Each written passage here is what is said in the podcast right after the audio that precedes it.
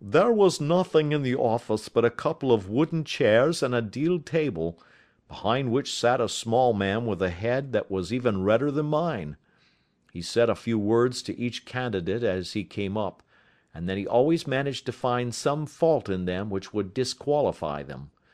Getting a vacancy did not seem to be such a very easy matter, after all. However, when our turn came the little man was much more favourable to me than to any of the others, and he closed the door as we entered, so that he might have a private word with us. "This is Mr. Jabez Wilson," said my assistant, "and he is willing to fill a vacancy in the league." "And he is admirably suited for it," the other answered. "He has every requirement. I cannot recall when I have seen anything so fine. He took a step backward, cocked his head on one side, and gazed at my hair until I felt quite bashful. Then suddenly he plunged forward, wrung my hand, and congratulated me warmly on my success. "It would be injustice to hesitate," said he. "You will, however, I am sure, excuse me for taking an obvious precaution." With that he seized my hair in both his hands and tugged until I yelled with the pain. "There is water in your eyes," said he as he released me. "I perceive that all is as it should be. But we have to be careful, for we have twice been deceived by wigs and once by paint. I could tell you tales of cobbler's wax which would disgust you with human nature." He stepped over to the window and shouted through it at the top of his voice that the vacancy was filled. A groan of disappointment came up from below, and the folk all trooped away in different directions until there was not a red head to be seen except my own and that of the manager. "My name," said he, "is Mr. Duncan Ross, and I am myself one of the pensioners upon the fund left by our noble benefactor. Are you a married man, Mr. Wilson? Have you a family?" I answered that I had not. His face fell immediately. "Dear me," he said gravely, "that is very serious indeed. I am sorry to hear you say that. The fund was, of course, for the propagation and spread of the Red Heads as well as for their maintenance. It is exceedingly unfortunate that you should be a bachelor." My face lengthened at this, Mr. Holmes, for I thought that I was not to have the vacancy after all but after thinking it over for a few minutes he said that it would be all right. "In the case of another," said he, "the objection might be fatal, but we must stretch a point in favour of a man with such a head of hair as yours. When shall you be able to enter upon your new duties?" "Well, it is a little awkward, for I have a business already," said I. "Oh, never mind about that, Mr. Wilson said Vincent Spaulding. "I should be able to look after that for you." "What would be the hours?" I asked. "Ten to two."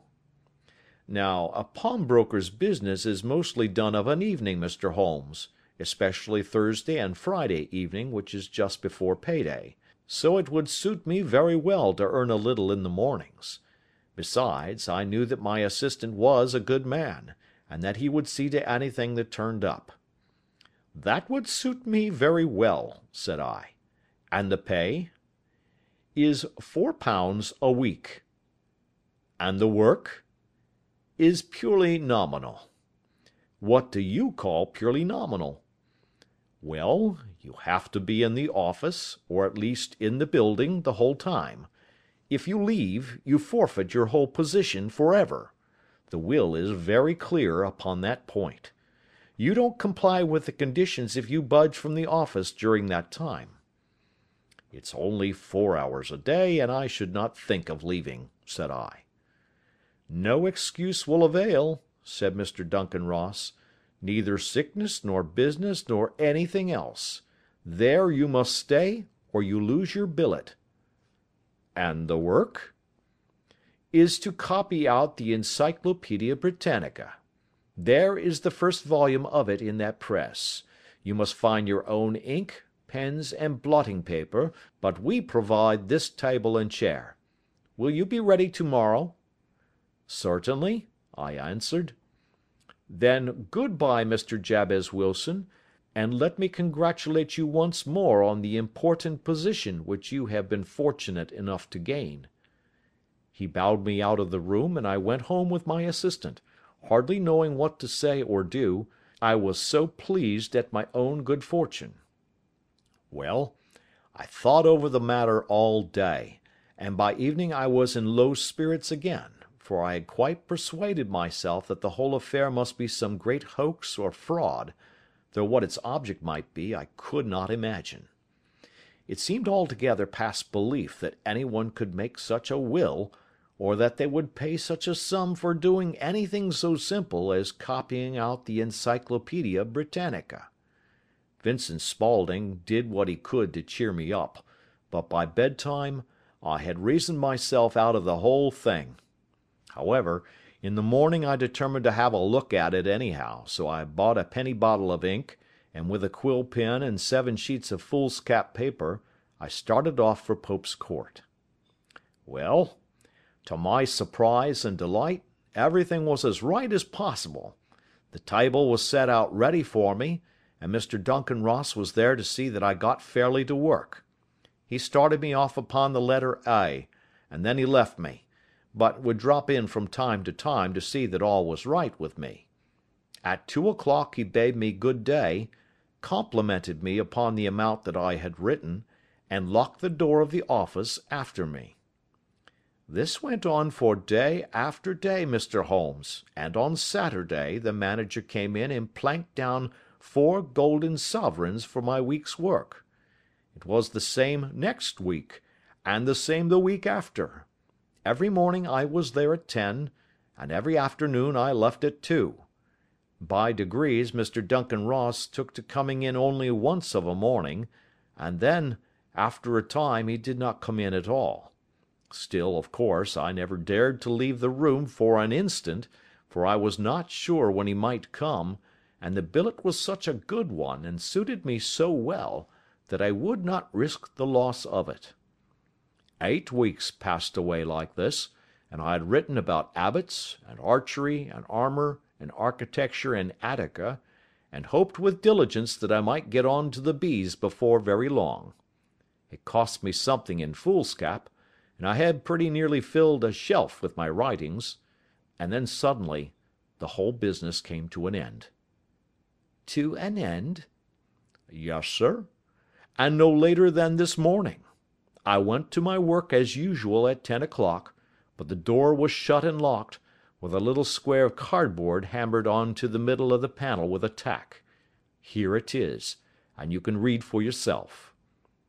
He held up a piece of white cardboard about the size of a sheet of note paper. It read in this fashion: "The Red headed League is dissolved. October 9, 1890." Sherlock Holmes and I surveyed this curt announcement and the rueful face behind it, until the comical side of the affair so completely overtopped every other consideration that we both burst out into a roar of laughter. "I cannot see that there is anything very funny," cried our client, flushing up to the roots of his flaming head.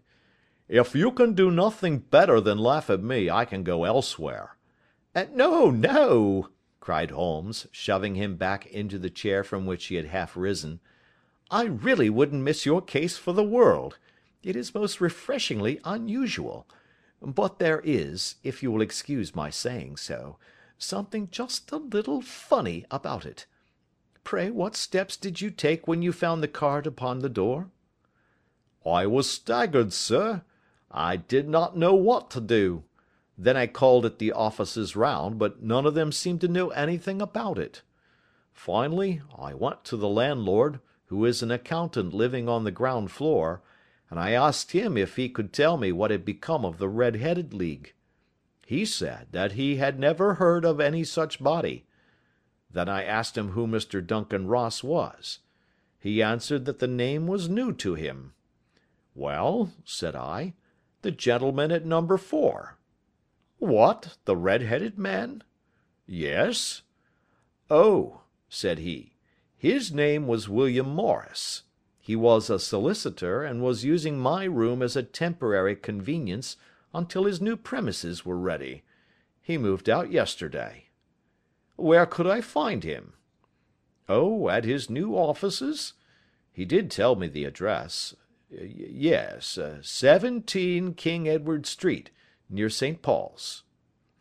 I started off, Mr. Holmes, but when I got to that address it was a manufactory of artificial knee caps and no one in it had ever heard of either Mr. William Morris or Mr. Duncan Ross. "And what did you do then?" asked Holmes. "I went home to Saxe Coburg Square and I took the advice of my assistant. But he could not help me in any way. He could only say that if I waited I should hear by post. But that was not quite good enough, Mr. Holmes. I did not wish to lose such a place without a struggle. So, as I have heard that you were good enough to give advice to poor folk who were in need of it, I came right away to you." "And you did very wisely," said Holmes. "Your case is an exceedingly remarkable one, and I shall be happy to look into it. From what you have told me I think it is possible that graver issues hang from it than might at first sight appear." "Grave enough," said Mr. Jabez Wilson. Why, I have lost four pound a week." "As far as you are personally concerned," remarked Holmes, "I do not see that you have any grievance against this extraordinary league. On the contrary, you are, as I understand, richer by some thirty pounds, to say nothing of the minute knowledge which you have gained on every subject which comes under the letter A. You have lost nothing by them." "No, sir but I want to find out about them, and who they are, and what their object was in playing this prank if it was a prank upon me. It was a pretty expensive joke for them, for it cost them two and thirty pounds." "We shall endeavour to clear up these points for you. And first, one or two questions, Mr. Wilson. This assistant of yours, who first called your attention to the advertisement. How long has he been with you?" "About a month, then." "How did he come?" "In answer to an advertisement." "Was he the only applicant?" "No, I had a dozen." "Why did you pick him?" "Because he was handy and would come cheap." "At half wages, in fact?" "Yes." "What is he like, this Vincent Spaulding?" Small, stout built, very quick in his ways, no hair on his face, though he's not short of thirty. Has a white splash of acid upon his forehead." Holmes sat up in his chair in considerable excitement. "I thought as much," said he. "Have you ever observed that his ears are pierced for earrings?" "Yes, sir. He told me that a gipsy had done it for him when he was a lad. "Hum!" Said Holmes, sinking back in deep thought. "He is still with you?" "Oh, yes, sir. I have only just left him." "And has your business been attended to in your absence?" "Nothing to complain of, sir. There's never very much to do of a morning." "That will do, Mr. Wilson. I shall be happy to give you an opinion upon the subject in the course of a day or two. To day is Saturday, and I hope that by Monday we may come to a conclusion.